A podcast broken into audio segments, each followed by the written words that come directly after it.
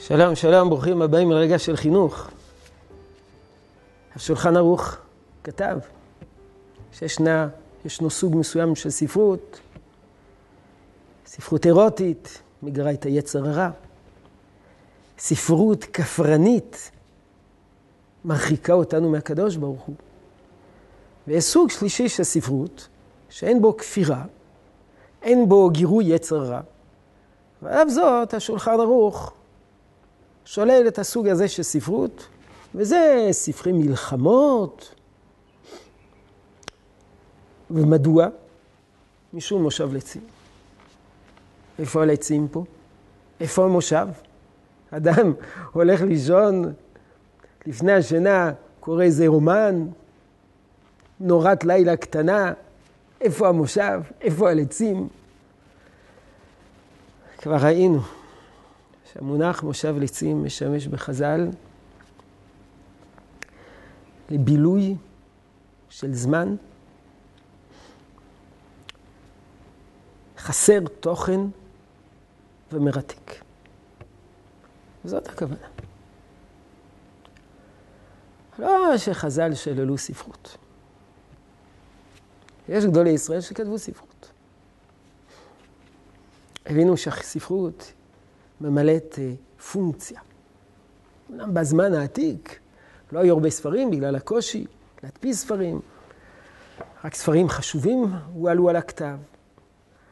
אבל עיקר הבעיה של אותה ספרות שהשולחן ערוך שולל, זה ספרות שאין בה שום תוכן. איננה מקדמת את האדם, איננה בונה איזושהי קומה כלשהי חיובית באדם.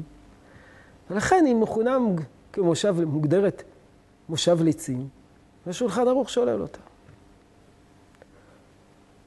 כל תוספת ערכית, כל תרומה ערכית של הספרות, כבר מנקה אותה מן השם מושב ליצים.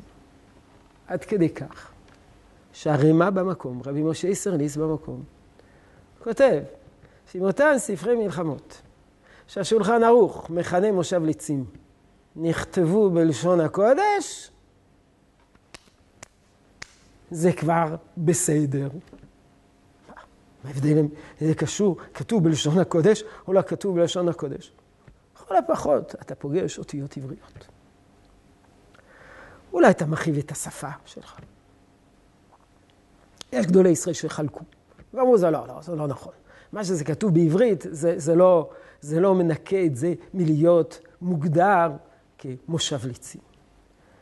אבל דעתו של הרמ"א, שאם זה כתוב בעברית, זה כבר, אני לא אשתמש בביטוי גלת, אבל לכל הפחות כשר, מלמד שמושב ליצים בספרות זה רק ספרות כזאת שלא תורמת כלום מכלום.